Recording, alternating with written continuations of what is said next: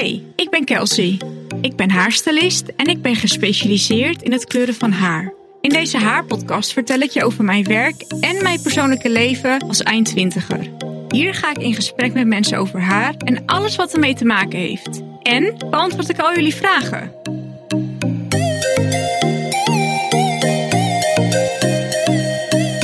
Hey Jane, wat leuk dat je in mijn podcast uh, wilde komen. Uh, we kennen elkaar natuurlijk uh, via de opleiding Dermatologie voor Kappers. Um, kan je iets over jezelf vertellen? Ja, inderdaad. Uh, ik heb sinds een jaar nu mijn eigen salon. En ik ben hiervoor zes jaar werkzaam geweest als educator en accountmanager voor diverse kappersmerken. En, en mijn functie bestond uit ja, diverse kapsalons adviseren in hun producten en trainingen uh, geven op het gebied van onder andere kleurkennis en daarbij natuurlijk uh, hoofdhuidproblematiek. En uiteindelijk vorig jaar ben ik, uh, heb ik besloten om voor mijzelf te starten. En nou, mijn salon heet De Rotterdamse Zeemermin. Je hoort het ook een beetje aan je accent, maar ik vind het wel heel leuk. dat klopt. Nou, vandaar dus ook die naam. Um, het is geen doorsnee naam voor een salon. Maar ik heb hier wel bewust voor gekozen, omdat ik de, ja, deze naam onderscheidt mij direct van andere salons. En uh, het is ook gelijk een knipoog naar creativiteit. Uh, de naam blijft uiteraard ook goed hangen. De, ja, de naam past echt bij mij ook vanwege mijn rode haarkleur. Ja. En de Rotterdamse tongval. Je bent een soort Ariel. Ja, inderdaad, Ariel. Die hebt dat ja. toch... Ja, die hebt dat rode haar. Ja. ja. Dus uh, nou ja, en de, de, reden dat ik ook de keuze heb gemaakt om mijn eigen salon te starten is uh, mede omdat ik mijn kennis en kunde als kleurspecialist uh, toch weer graag ja, direct met klanten aan de slag wilde. En ik wilde iets meer betekenen voor de groep klanten die al heel lang kampen met ja, diverse hoofdhuidproblematiek. Ja, ja ik, ik dacht toen ik jou bij de opleiding zag, toen dacht ik, wat doe jij hier eigenlijk? Jij weet al superveel. Ja, dat klopt. Ja, het is, ik wilde net eventjes de puntjes op de i. En me toch echt uh, nog verder uh, mijn kennis opdoen. Ja, op de, gewoon de diverse dingen die wij tegenkomen. Ja, maar het is een hoop, hè? Ja, het is heel veel, zeker. Het is echt. En uh... toch tegelijkertijd zijn het wel allemaal overeenkomende problemen. -hmm. Ja, ja. Maar even terugkomen op jouw werk als uh, ja, educator, educator, is maar net hoe je, hoe je hem noemt. Je hebt dus mm-hmm. je vooral gewerkt voor uh, kleurmerken, of tenminste gewoon uh, ja, kleurmerken. Uh, ja. Maar ook echt voor een merk die echt ja, gericht is op hoofdhuidproblematiek, hè? Ja, zeker. En ja. dat varieert van ja, diverse soorten eczemen. Een droge eczeem, dus een atopisch eczeem een vette eczeem, dus een eczeem, maar ook psoriasis, haaruitval en uh, ook klanten die bijvoorbeeld uh, chemotherapie ondergaan. Mm-hmm. En want er komt ook in de haarzakjes terecht en daar hangt dus ook weer een bepaalde cyclus aan om die hoofdhuid en dat haar goed te kunnen reinigen. Ja. Dus, dus... ik uh, vond dat echt super interessant en vandaar ook mijn keuze dat ik daar echt verder op in wilde gaan, omdat daar gewoon veel te weinig mee gedaan wordt. Ja. ja, dat zaadje is bij mij ook zeker geplant. maar ik denk dat ik ook nog een hele hoop van jou kan leren. Maar ik wil jou dus graag in mijn podcast, want ik wil. Uh, nou, ik merk dus ook in mijn salon dat er echt. Ja, ja eigenlijk precies wat jij zegt, dat het echt veel. Uh, ja, dat het echt heel erg onderbelicht is. Dat uh, ja, de hoofdhuidproblematiek en alles wat daarbij komt kijken. En ik wilde daar mhm. dus een podcast over maken. Maar ik dacht wel, hoe kunnen wij dit nou ja, zo makkelijk mogelijk maken voor de luisteraar, maar ook de klant. Um, wat voor type hoofdhuidproblemen er nou zijn. Weet je, wij kennen inderdaad echt wat je zegt, een atopisch eczeem en een seborisch eczeem. Um, maar ik moet zeggen dat het, ja, het is soms natuurlijk best lastig om voor ons al, laat staan voor een leek, om het zo maar te zeggen. Dus um, ik dacht, laten we het makkelijk houden. Maar ik ben benieuwd, wat voor type hoofdhuidproblemen zie jij nou veel in je salon? Ja, dat is inderdaad heel erg divers. Kijk, uh, één op de drie klanten heeft een hoofdhuidprobleem, gemiddeld genomen. Mhm. En dat is heel heftig, want hoofdhuidproblemen ja, lopen heel erg uit, uiteen. Van bijvoorbeeld een hoofdhuid die snel vet wordt, tot aan uh, een roos, uh, droge schilfers. Maar denk ook dan inderdaad bijvoorbeeld aan een psoriasis of diverse soorten eczeem en haaruitval. Ja. Um, wat ik vooral uh, veel tegenkom in de salon, is een klant waarvan de hoofdhuid snel vet wordt. Ja, ik ook. En klanten met een matige schilfering. Yes. Nou ja, nu merk je dat, dat klanten die weten toch al gauw de weg naar jou te vinden op het moment dat je dus aangeeft van nou, ik ben hiermee bekend en ik kan je hierbij helpen. Ehm, en dan daardoor merk ik dat ik ook steeds meer klanten aantrek die ook echt een, ja, een probleem hebben, zoals een psoriasis of een eczeem. En dat zijn er best wel veel en het worden er ook wel steeds meer. Ehm, klanten die bijvoorbeeld psoriasis hebben, hebben last van een hele heftige schilvering van de huid. En ze zullen niet snel naar de kapper gaan. Nee. Ehm, en dat, daar komt ook weer schaamte bij ja, kijken. juist. Ja. Ja, wanneer zij weten dat ze dus bij jou daar gewoon discreet voor terechtkomen of kunnen, dan, ja, dan is dat gewoon, eh, dan trek je die klanten echt direct aan. En die blijven dan ook echt bij je. Ik, ik kan me volledig eh, vinden in wat jij zegt. Maar het is gewoon best wel lastig. Omdat een klant bijvoorbeeld dan vaak komt van... ik heb een vette hoofdhuid. En dan, Ja. dan hoor je vaak, heb je daar een shampoo voor? Ja. en dan, maar het is niet zo 1 en 1 is 2. Tenminste, het is niet zo makkelijk, laat ik het zo zeggen. Maar dat het, van waar komt het nou vandaan? Is het eigenlijk omdat je gewoon... eh, ja, wat is de onderliggende oorzaak dat jij dus die vette hoofdhuid huid hebt? Het is niet ja, zo makkelijk te, te eh, ja, beantwoorden, die vraag, zeg maar. Want hoe, Nee, dat klopt. want hoe beantwoord jij bijvoorbeeld zo'n vraag? Eh, ik kijk sowieso naar de persoon die ik voor mij heb. Is het eh, iemand die in de puberteit zit? Oh, ja, ja. Die hebben een ja, supersnel vet wordende hoofdhuid vanwege een hormoonhuishouding. Ehm, is het, en dan ga je natuurlijk ook verder kijken van nou, hoe vaak was je het haar? Kijk, was een klant het eh, om de drie, vier dagen en ze zeggen ik heb een vette hoofdhuid. Ja, dan is dat vaak niet dat die hoofdhuid snel vet wordt, maar dan is het gewoon dat ze toch te lang wassen, wachten met wassen. En dus dan ga je echt kijken van oké, wat doen ze er zelf thuis aan? Hoe vaak wassen ze? Welke producten gebruiken ze? Et cetera. En de truc is natuurlijk, kijk, ik werk ook bijvoorbeeld met een dermoscoop. Dus dat is een camera die wij op de hoofdhuid zetten. En die vergroot het beeld met 200 keer. Dus dan kunnen Mhm. we echt die haarzakjes, hoe het haartje uit de hoofdhuid komt. En op het moment dat je dan ehm, aangeeft, van, nou, ik heb het 's ochtends gewassen en ze zitten 's middags bij je in de stoel. En je gaat dan met de dermoscoop op die hoofdhuid kijken. En je ziet echt een soort plasjes waar die haartjes uit de hoofdhuid komen. Dus echt rondom. Mhm. Ja, dan is het gewoon echt een, een actieve eh talgproductie. En dan kan je eh, daar gericht een shampoo op adviseren die die talgproductie dus remt. Ja. Maar zou jij ook wel eens zeggen, of zou jij ook zeggen van je gebruikt de verkeerde shampoo en dat daardoor je hoofdhuid sneller vet is? Nou, wat wij wel heel vaak zien is bijvoorbeeld een ja, boosdoener, zou ik niet zeggen. Maar Mhm. in heel veel producten bijvoorbeeld een, eh, een SLS. Dat is een sulfaat die stript. En nou, het is niet zo dat sulfaten direct slecht zijn. Maar dat is bijvoorbeeld wel een shampoo eh, die de natuurlijke vetten van de hoofdhuid sneller afwast. En daarmee zou je ook kunnen kijken van, nou, dan zou dat ook eventueel een oorzaak kunnen zijn. Of het haar te heet wassen, of Oh ja. te hard ehm, masseren. Dat zijn allemaal wel kleine trucjes, maar de basis is vaak wel dat het echt die hoofdhuid is die gewoon snel vet wordt. En daarmee kan je ja, door diverse ingrediënten het wel goed kalmeren. Vaak Ja. zie je het ook aan het gezicht. Hebben ze echt eh, een vettig glimmend gezicht, dan hebben ze het ook vaak ook. Ja, inderdaad. Ja, ja. En ja, ik vind ook inderdaad wel bij de puberteit, dan, dan ruik je het ook echt. Ja, dat klopt. Ja, dat is zeker waar. En je ziet ook vaak, de, vaak de wat jongere mensen hebben dan een hele vette huid. En als je kijkt naar de echt wat oudere groep, Ja, de eh, nou, 60-plussers bijvoorbeeld, die hebben vaak weer juist een hele droge huid. En dan zie je ook dat die hoofdhuid vaak wat bleker is. Dat die doorbloeding dus ook wat minder wordt. En ja, dan wordt die hoofdhuid ook wat minder actief. En bedoel je dan echt, weet je, dat wittige wat heel strak staat? Ja, bijvoorbeeld. Ja, dat kan. Ja. Ja. Oké. Ja. Oké. Dus je ziet veel eh psoriasis. Eh, Ja, nou, het, ligt een beetje aan per salon. Hè? Want wat ik zeg, ja, de mensen met psoriasis gaan niet zo gauw naar een kapper toe. Tenzij ze weten dat ze er echt discreet bij jou terecht kunnen. mhm. En eh, wat ik bijvoorbeeld ook weer heel veel, veel zie, is bijvoorbeeld een seborisch eczeem. Dus dat is echt een vettige eczeem. Ehm, dat kenmerkend daarvan is echt een schilfering op de huid die zelfs een beetje gelig is. Ja. Ehm, dat komt wel echt op alle soorten leeftijden, eh, ja, zowel man als vrouw voor. En dat gaat vaak wel gepaard met jeuk, eh, wat ook nog eens heel erg vervelend is voor de klant. En dan ehm, gaan ze ook wel snel naar de huisarts, maar dan durven ze ook nog wel wat eerder bij de kapper te komen en zeggen, nou, ik heb heel erg roos of ik heb jeuk. En Ehm, en zeker als ze dan met een verkeerde shampoo gaan wassen, wat heel vaak voorkomt, de bekende head and shoulders, waar we Mhm. allemaal totaal geen fan van zijn.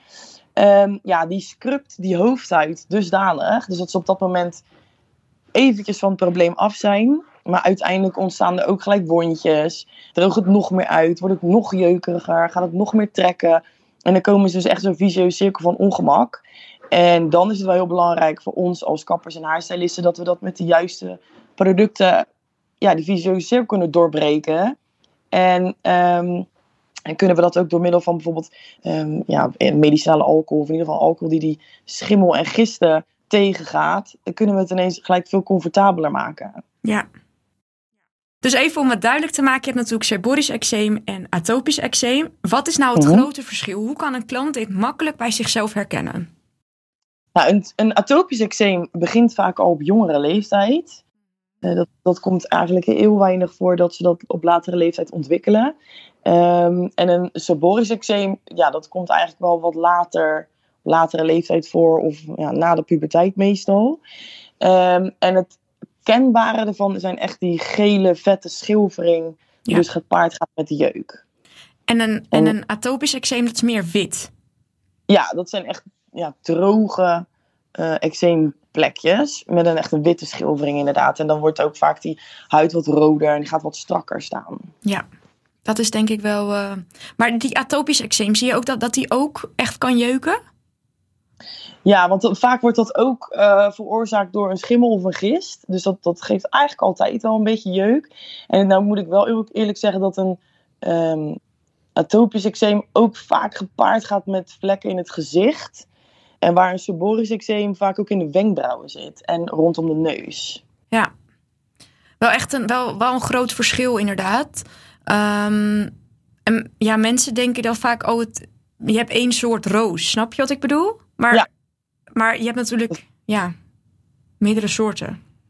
Ja, zeker. Ja. En eh, als je, het is ook gewoon belangrijk dat er eh, wel snel wat aan gedaan wordt. Want zeker met een seborrheisch eczeem, eh, als je dat verwaarloost of, of niet goed weet wat je daarmee aan moet, dan, dan krijg je er op een gegeven moment ook echt gewoon kale plekken door. Ja, ik heb dit helaas een keer voorbij zien komen, ja.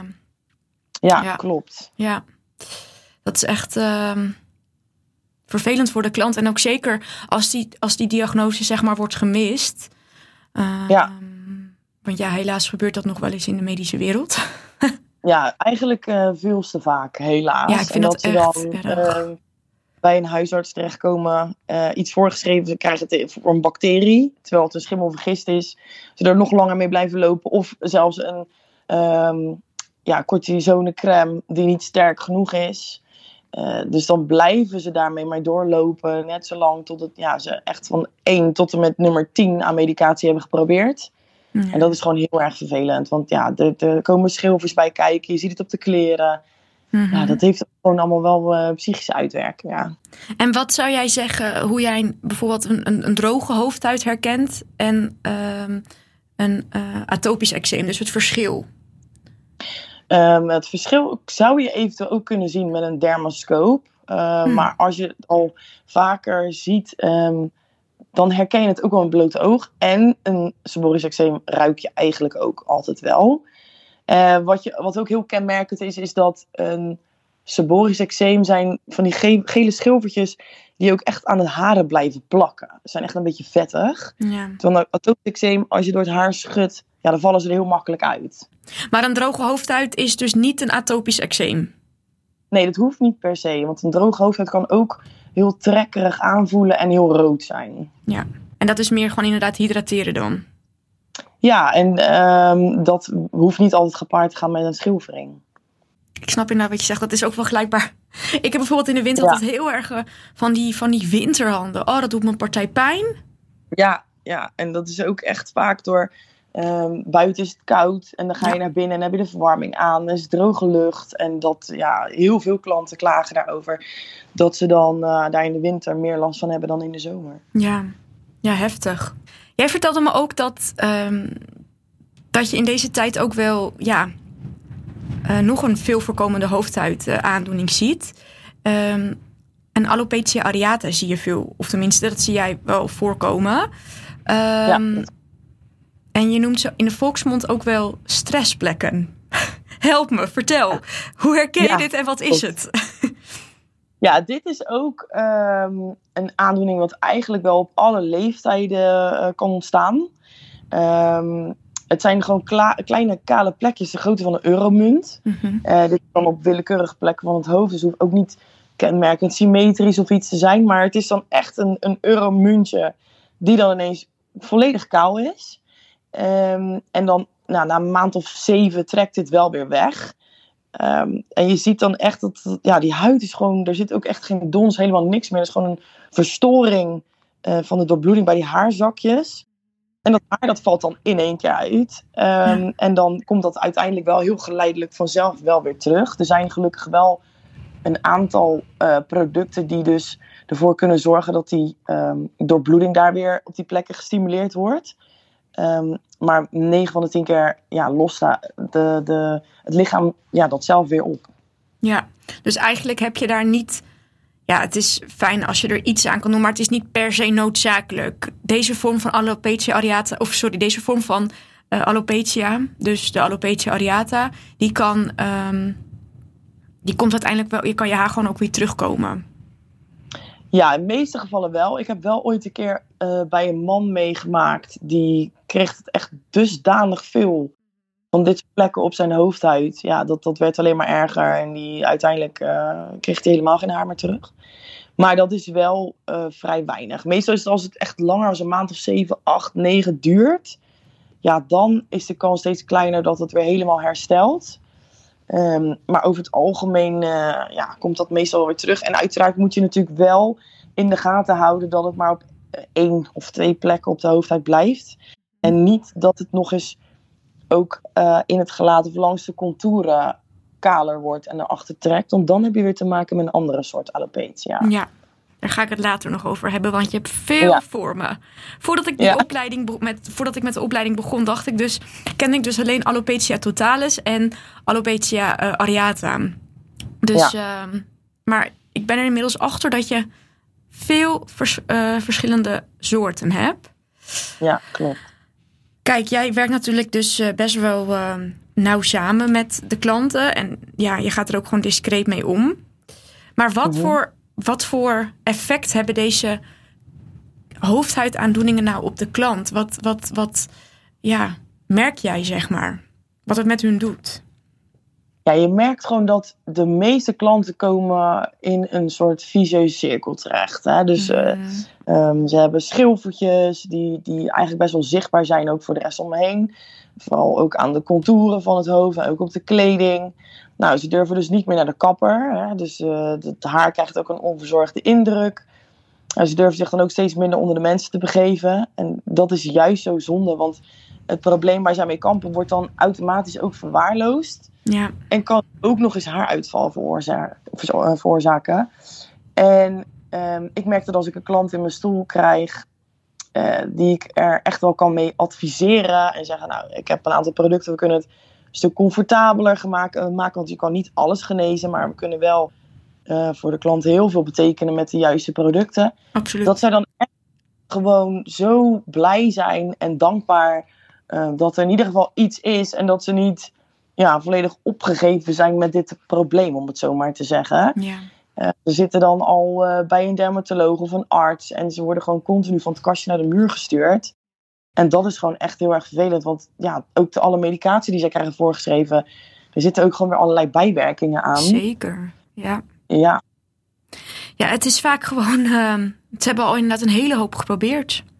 En de dermatoloog ja. of de huisarts die zeggen, ja, ga maar dit proberen en dat proberen, want je werd ons natuurlijk ook wel verteld tijdens de opleiding dat eigenlijk de dermatologen in Nederland um, vrij weinig van de hoofdhuid uh, afweten. Ja, dat klopt. En dat, dat maakt het soms dan ook wel eens voor ons wat lastiger, omdat je toch een klant het vertrouwen weer moet winnen. Want ja. zo'n klant heeft dan al in je hoofd zitten van, nou ja, dit is het en uh, je kan hier verder niks mee. En jij bent maar een haarstylist. Ja, klinkt heel oneerbiedig, maar zij denken er wel van, ja, wat weet jij er nou van? Hmm. Um, dus is het voor ons ook altijd wel een uitdaging om ze goed te kunnen adviseren en uit te leggen dat het echt wel uh, ja, een stuk comfortabeler gemaakt kan worden. Ja. Want wat zijn nou goede behandelmogelijkheden voor deze problematiek? Ja, de behandelingen uh, hangen heel erg af van het probleem. Dus wanneer je een snel vet wordende hoofdhuid hebt bijvoorbeeld, dan kan je dat al met de juiste shampoo waarin specifieke ingrediënten zitten om de talgproductie van je hoofdhuid te remmen, prima verhelpen. Maar wanneer je bijvoorbeeld een psoriasis hebt, wat echt van binnenuit het lichaam komt en eigenlijk niet volledig te genezen is, nog niet, um, kunnen we het met de juiste producten wel een stuk comfortabeler maken. Hè, wat ik al aangaf voor degene die hiermee kampen. En Ehm, hoe doen we dat dan? Ja, dat is door uh, vooral te richten op de klachten die zij hebben. Dus bij een psoriasis zie je heel erg rode vlekken met een hele heftige schilfering. Mm Nou, dat, daar een klant van af. Het jeukt ook heel erg, dus ze gaan er ook aan krabben, waardoor er dus weer wondjes ontstaan. Dat wil je ook tegengaan. Ja. Um, dus het is belangrijk dat we die hoofdhuid goed kunnen reinigen. Dat ze eigenlijk schilfervrij zijn, om het zo maar te zeggen. En de zichtbaarheid dus een stuk minder is.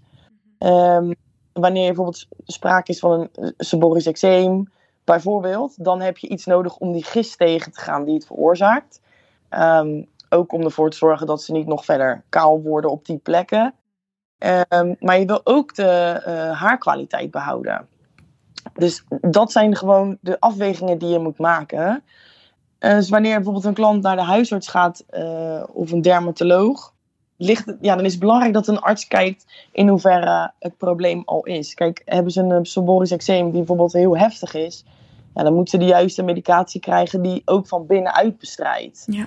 Um, dus de juiste methoden zijn heel erg sterk uiteenlopend afhankelijk van het probleem.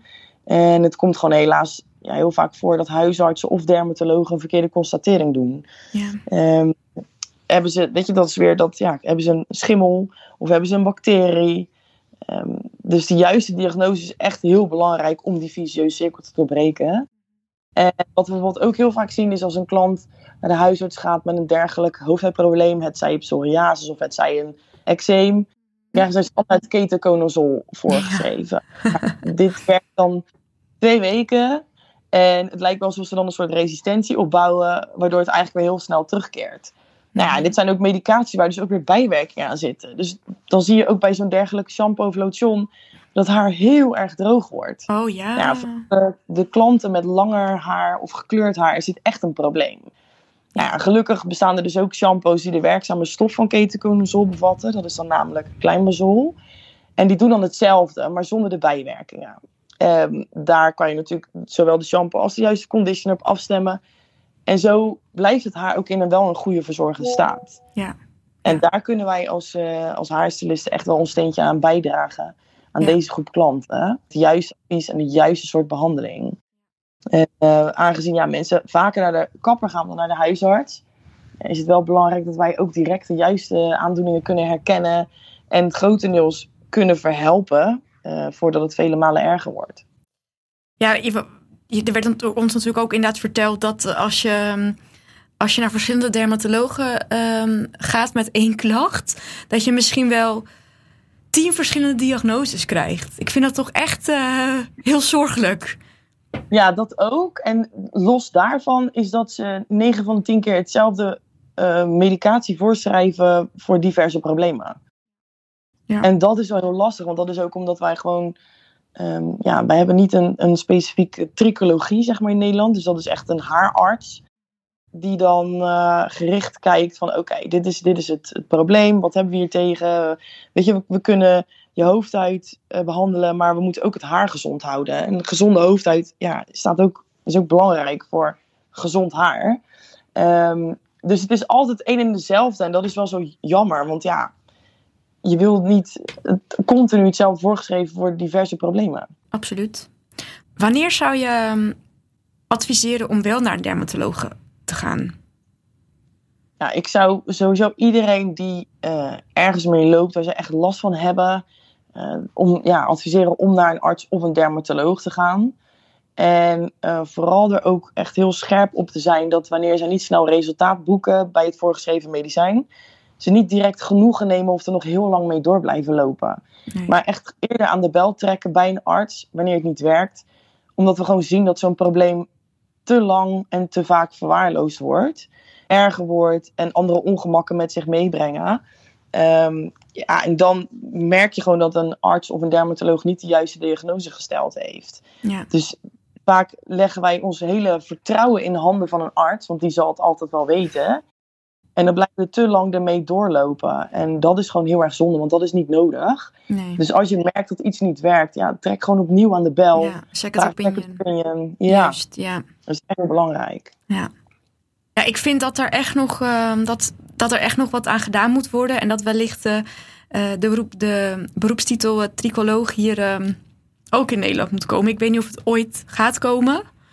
Maar Ja, het is gewoon... Het is er al wel, alleen het is nog niet echt zo herkend als, als we zien in het buitenland. Bijvoorbeeld Frankrijk, Duitsland, Ja. Polen vooral. Daar zijn ze echt super vooruitstrevend op dit gebied. Ja. Alleen in Nederland en België is dit echt eh, ja, een ondergeschoven vakterm helaas. Super jammer. hey, eh, maar James, wij weten inmiddels al superveel. Ehm jij hebt ons goed op de hoogte gebracht van eh, verschillende eh hoofdhuidproblematieken en ehm, de behandelmogelijkheden. Maar ik heb toch nog één brandende vraag aan jou. En die krijg ik heel vaak in de salon. En die kan jij zeker beantwoorden. Waarom valt je haar uit na de zwangerschap? Ja, dat is inderdaad een hele vervelende. Ehm, helaas heeft het alles te maken met onze hormoonhuishouding. Ehm, kijk, op een gegeven moment, oestrogeen is eigenlijk degene die ja, ons haren vasthoudt. Ervoor zorgt dat ons haar groeit. En eh, dat is echt het vrouwelijke hormoon. Ehm, en op het moment dat wij dus daar heel hoog in pieken, ons haar blijft dan ja, beter zitten. Laten we zo zeggen, beter verankerd in onze hoofdhuid. En op het moment dat wij dus eh, ja, die, die oestrogeenpiek voorbij zijn na zo'n bevalling en langzaam neemt dat weer af, ehm, dan valt dus dat haar wat wij al die tijd hebben vastgehouden tijdens de zwangerschap, na de zwangerschap helaas weer uit. Ja, Ehm, soms zie je nog wel eens dat het bij de ene wat extremer is bij, dan bij de ander. Hè. Die krijgen echt wel inhammen en zo. Mhm. Ehm, ja, en dat, dat krijg je eigenlijk naarmate je ouder wordt, krijgen dat vrouwen dat sowieso eh, wat meer. Dan krijgen we toch wel, het haar wordt wat dunner, inhammen wordt wat groter. Maar we zien dat wel echt tijdens een zwangerschap, als die piek voorbij is, dat het dan inderdaad heel erg uitvalt. Eh, maar zie jij ook nog verschil bij klanten eh, die borstvoeding geven? Dat dan bijvoorbeeld de haaruitval pas later begint? Of zie jij dat verschil niet? Ja, dat klopt. Want ook dan blijf je natuurlijk nog een beetje in dat, in dat ja, zwangerschapshormoon, zeg maar, Ja. hangen. Ehm, en als het op een gegeven moment helemaal klaar is, ja, dan, dan gaat je lichaam echt een soort ontwennen van die zwangerschapshormonen. Ja, en dan uh, gaat het gaat wel vaak weer iets geleidelijker. Maar je merkt wel dat als iemand echt uh, ja, helemaal uit die zwangerschapshormonen is, dan, dat het dan wel weer echt toeneemt. Ja. Nou, ik denk dat heel veel klanten en heel veel luisteraars hier blij mee zijn dat ze nu eindelijk het antwoord op de vraag weten. ik krijg deze echt wel ja, dagelijks te horen in mijn salon. Um, ja. Nou, ik wil je super bedanken voor, de, voor je tijd en dat je bij, uh, bij mij in de podcast uh, wilde, aanwezig wilde zijn. Dankjewel. Doei doei. Doei.